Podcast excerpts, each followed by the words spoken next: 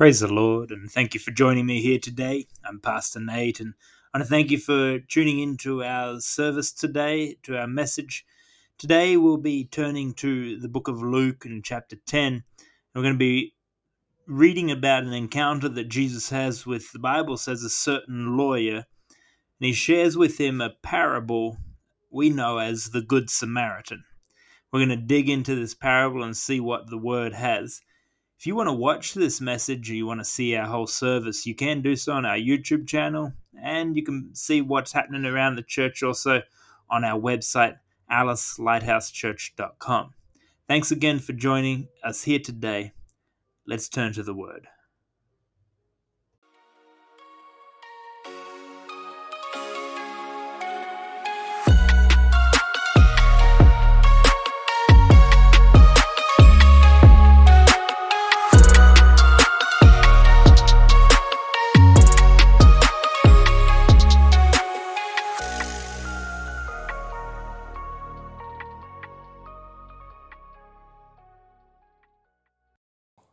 Of God here this morning. The wonderful presence of God here this morning. Let's turn to the word this morning. We're turning to Luke. Luke chapter 10, starting in verse 25. A passage many are probably familiar with. Starting at verse 25. And bear with me, we will be reading through to the end of verse 37.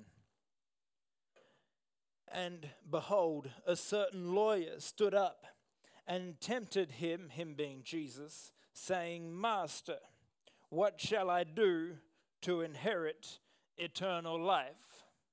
Good question. Straightforward, straight to the point. Notice it's a lawyer asking the question. That comes up later. Verse 26 He said unto him, What is written in the law? How readeth how readeth thou? Jesus turns around and says, What do you see in the law? Certain lawyer.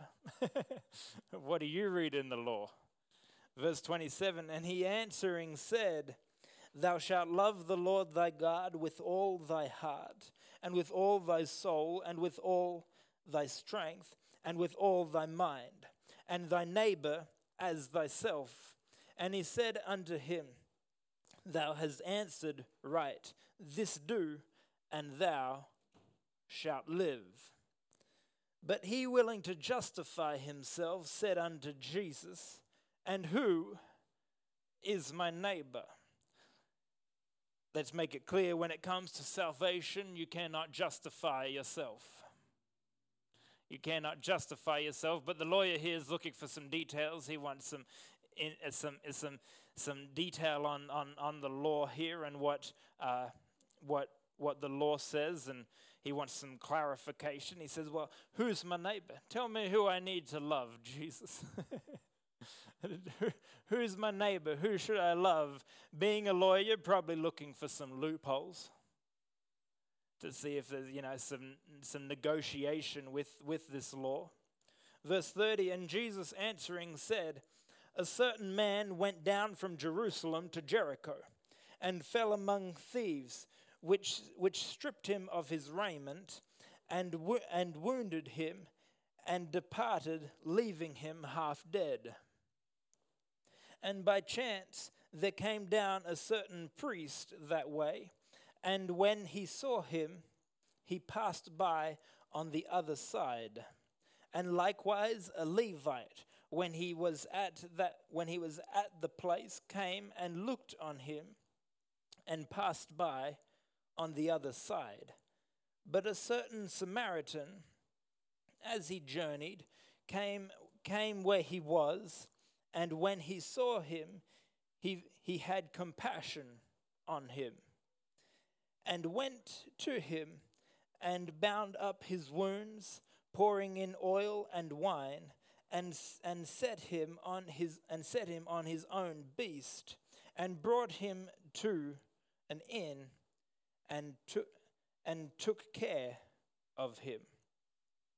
And on the morrow when he departed he took out two pence and gave and gave them to the to the host and said unto him take care of him and whatsoever and whatsoever thou thou speak thou spendest more when I come again I will repay thee which now of these which now of these three thinkest thou were neighbor under him that fell among the thieves.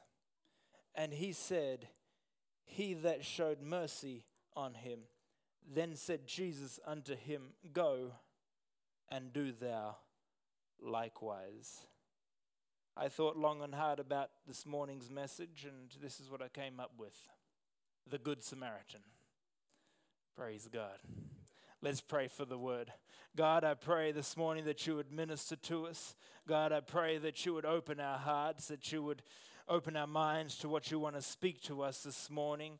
God, I pray that you would anoint me to preach the word that you've laid on my heart for this church this morning. In Jesus' name, amen. Amen. Amen. So this lawyer comes to Jesus and asks the question, What do I need to do to inherit eternal life? And Jesus says, What does what do you when you read the law, what do you see? Notice the lawyer did not respond, Well, thou shalt not kill, thou shalt not commit adultery, thou shalt not, all these different things, thou shalt not steal. He, he didn't list off the Ten Commandments, he didn't list off the Mosaic law. He went straight to the heart of it and he said, Thou shalt love the Lord thy God with all thy heart, with all thy soul, with all thy strength, and with all thy mind. And, the, and, like, and thy neighbor as thyself. He went straight to the heart of it. They knew what the law was. And as I preached a few weeks ago about the power of love, that if you love God, you will go further than just believing that there is a God. If you love God, you'll go further than just trusting in God. Love takes you further than belief, love takes you further than all these things. And this is why Jesus could say, You do these, you'll be fine. You do this, and you'll be fine. He then comes back and he says, Well, who's my neighbor? Who's my neighbor, Jesus? And Jesus goes into a parable that we know and have titled as the Good Samaritan. He goes into this parable. Notice, though, that Jesus doesn't actually answer his question. Jesus tells him how to act. Jesus asks that finish the parable by asking who was neighborly, not by saying, well, this person is your neighbor and that person's your neighbor. He asks, he finishes by asking who was neighborly.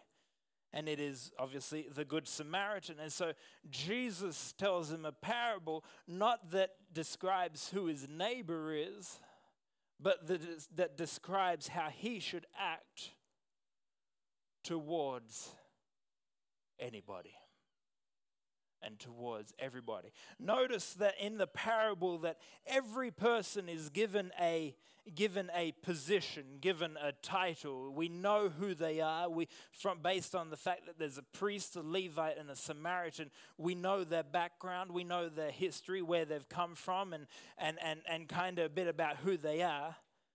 But we have no description no idea who the man is that's beaten on the side of the road. All we know about him is that he's traveling from Jerusalem to Jericho. There's no title, there's no description given to this man, letting us know that it's not about who the person is, it's about how I act. It's not about where they come from or where they're going to or what, what, what culture or creed or nationality or, or anything like that they are. It's about who I am. Because a title does not tell you who you are, but how you act tells you, will tell people and tell you who you are. Understand, the lawyer here is, is looking for almost a bit of a, a list. Well, are they my neighbors that I live next to, or are they my work colleagues, or is it both, or what is it?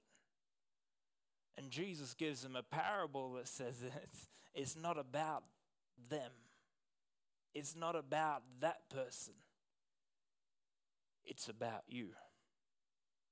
It's about how you act, it's about what you do. It's not about the, the person that lives on either side or the person that lives down the street or the person that you, you come in contact with. They have no description in this parable. It could be anybody, it could be a Samaritan, it could be a Jew, it could be a Gentile, it could be anybody.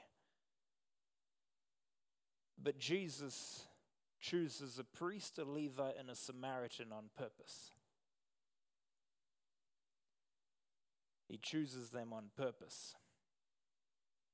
We're going to dig into it a little bit. You see, the Samaritan kept the law. The Samaritan kept the law. There's a difference. There's a difference from keeping and knowing, from doing and knowing. There's a difference from knowing the law and keeping the law. There's a difference from understanding the law and keeping the law. Let's turn to James chapter 1, verse 22. And as we turn there, if anybody to my right is getting cold under that air conditioner, you can you can turn it off. I don't want to freeze people out. James chapter 1 verse 22 says, But be ye doers of the word, and not hearers only, discern, discerning or deceiving, deceiving your own selves. James says here to be doers of the word and not hearers only, deceiving your own selves. There's a danger with hearing the word, knowing the word, and understanding the word, and not being doers of the word that we can deceive our own selves, thinking that is good enough. Verse 23 For if any be a hearer of the word and not a doer, he is like unto a man beholding his beholding his his natural face in a glass or seeing your reflection for he for he beholdeth himself and goeth his way, and straightway forgetteth what manner of man he was.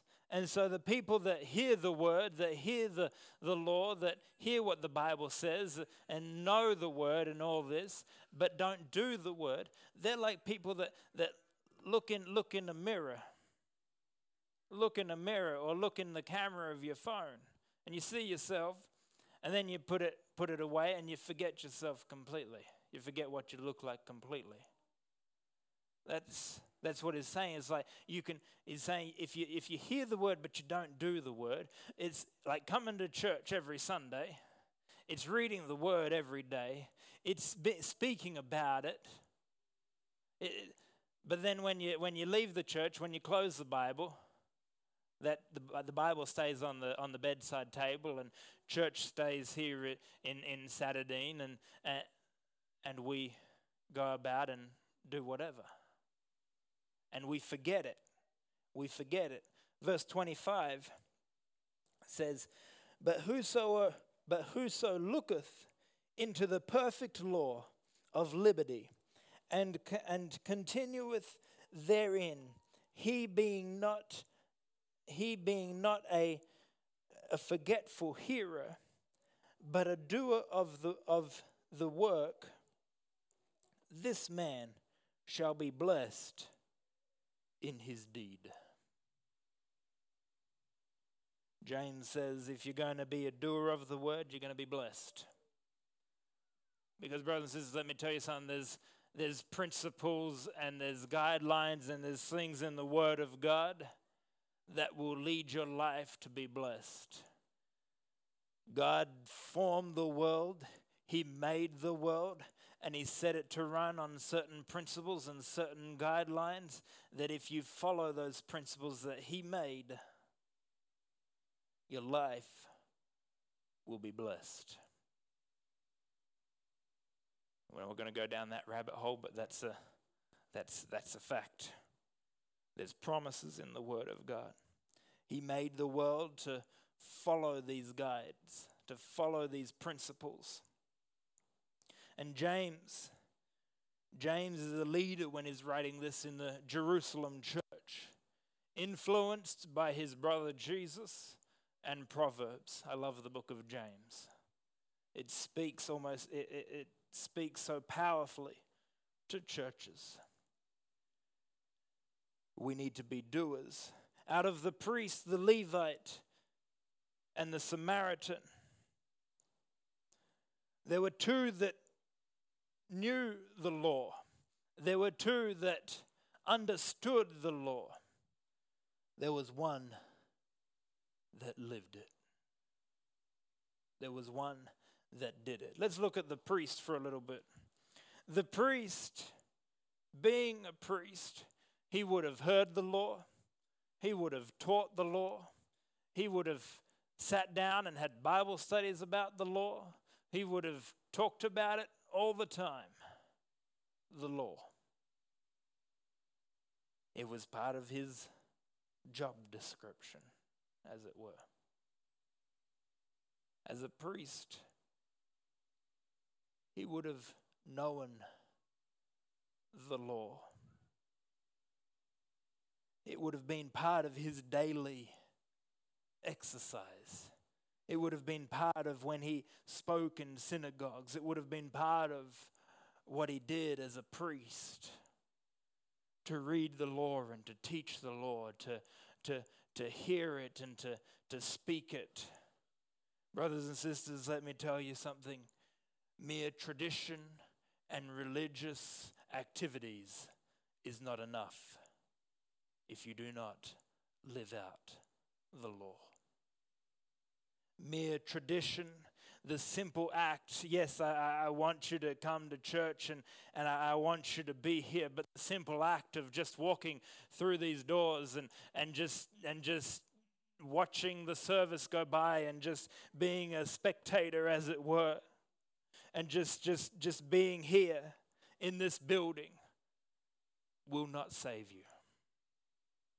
Yeah, that is not what the law says. That is not what the word says. Just the, the, the religious tradition that is dangerous for churches sometimes to fall into. This is why James says, Be careful lest you deceive yourselves, lest you think that's what it takes, lest you think that's enough just to come in and do religious traditions and, uh, and sing a few songs and hear the preaching and have a cup of coffee, a cup of tea, and shake a few hands and go about your day. That is not what the Bible says. The priest did it every day. His traditions, his religious duties, he did them every day. It's one of the things that, as a pastor, you can fall into if you're not careful the trap of just spending your week preparing for next Sunday's message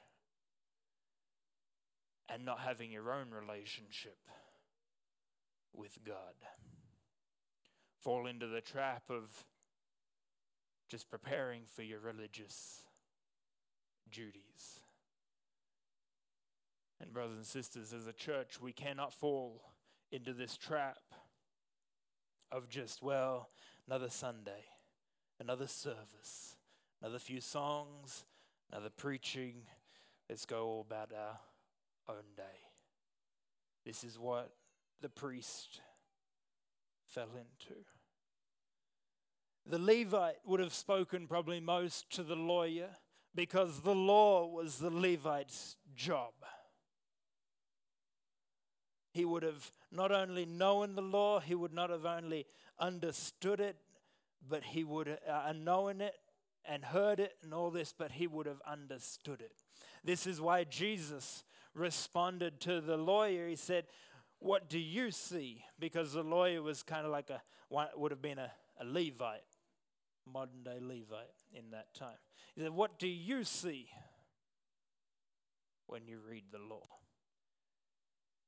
And it shows the lawyer's knowledge and his understanding, not just knowledge of the law, but his understanding of the law as he doesn't just spout out the Ten Commandments and the Mosaic law and all the other things that the priesthood added on afterwards.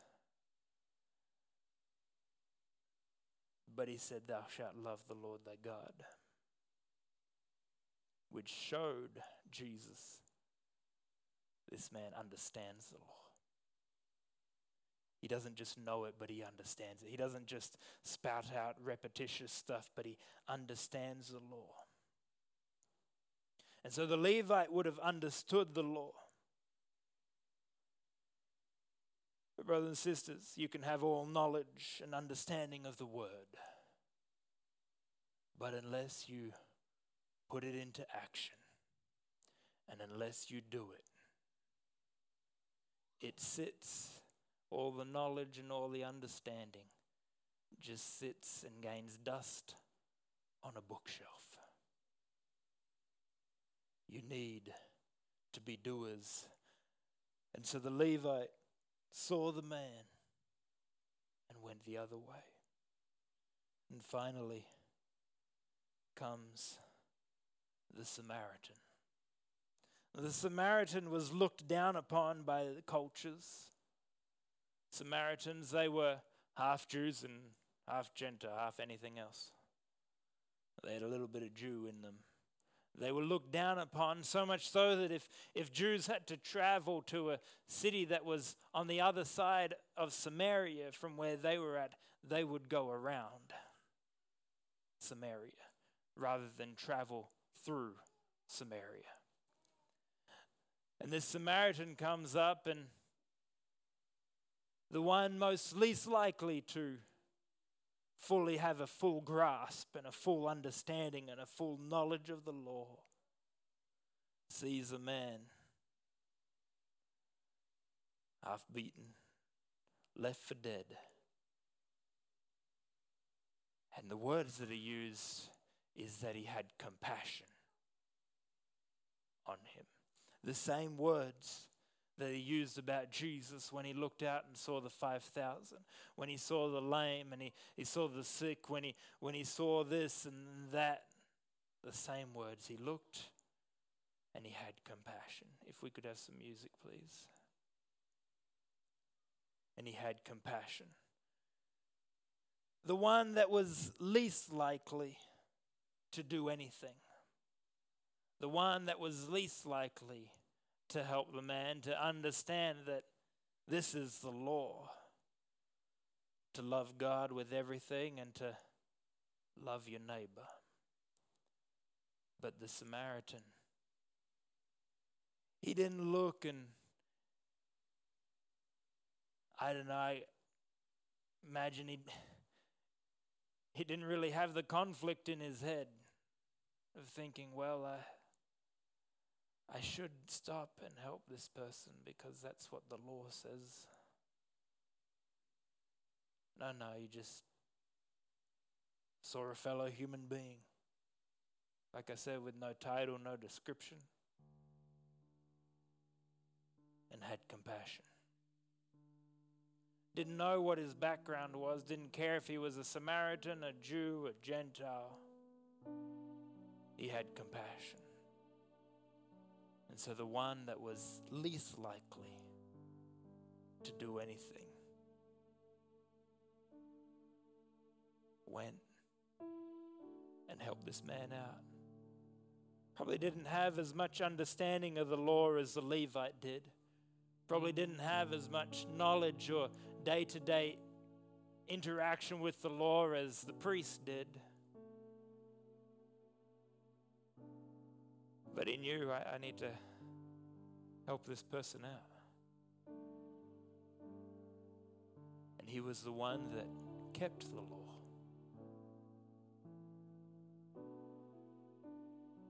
he was the one that kept it. Jesus asked him, which one acted neighborly? The lawyer responds, the one who showed mercy. Jesus said, do the same.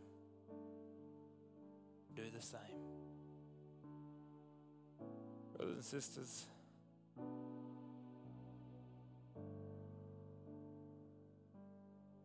God's not going to ask on that judgment day,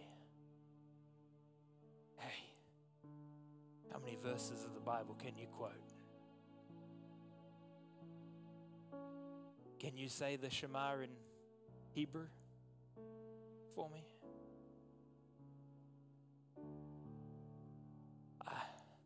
Look at your church attendance record.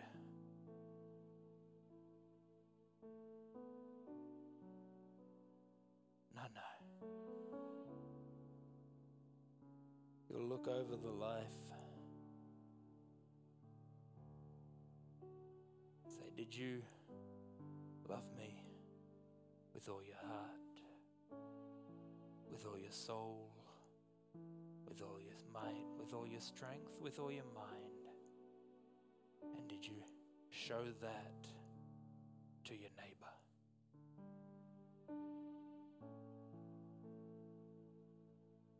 Brothers and sisters, do that. I know some people may be praying to be filled with the Holy Ghost and be filled with the Spirit of God. That will happen. That will happen as a byproduct of falling in love. It overheals with God.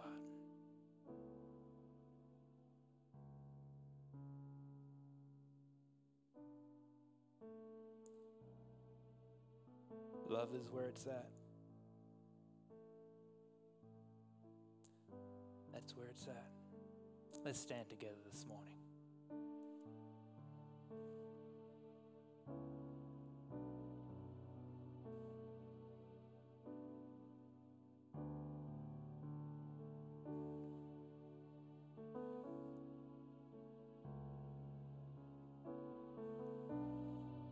So, maybe, and I'll be the first to say there's times in my life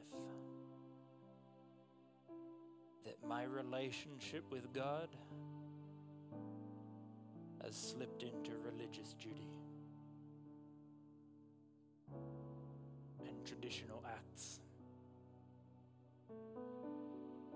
I don't know this morning, but maybe areas of your walk with God that's just slipped into habit, neutral, cruise control.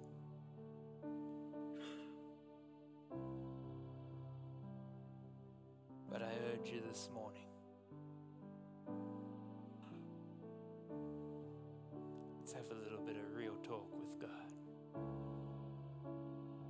These altars are open this morning if you want to pray, you want to spend time in prayer. But I want you wherever you're at, just you and God, just you and God this morning. I'm going to spend a bit of time with God myself.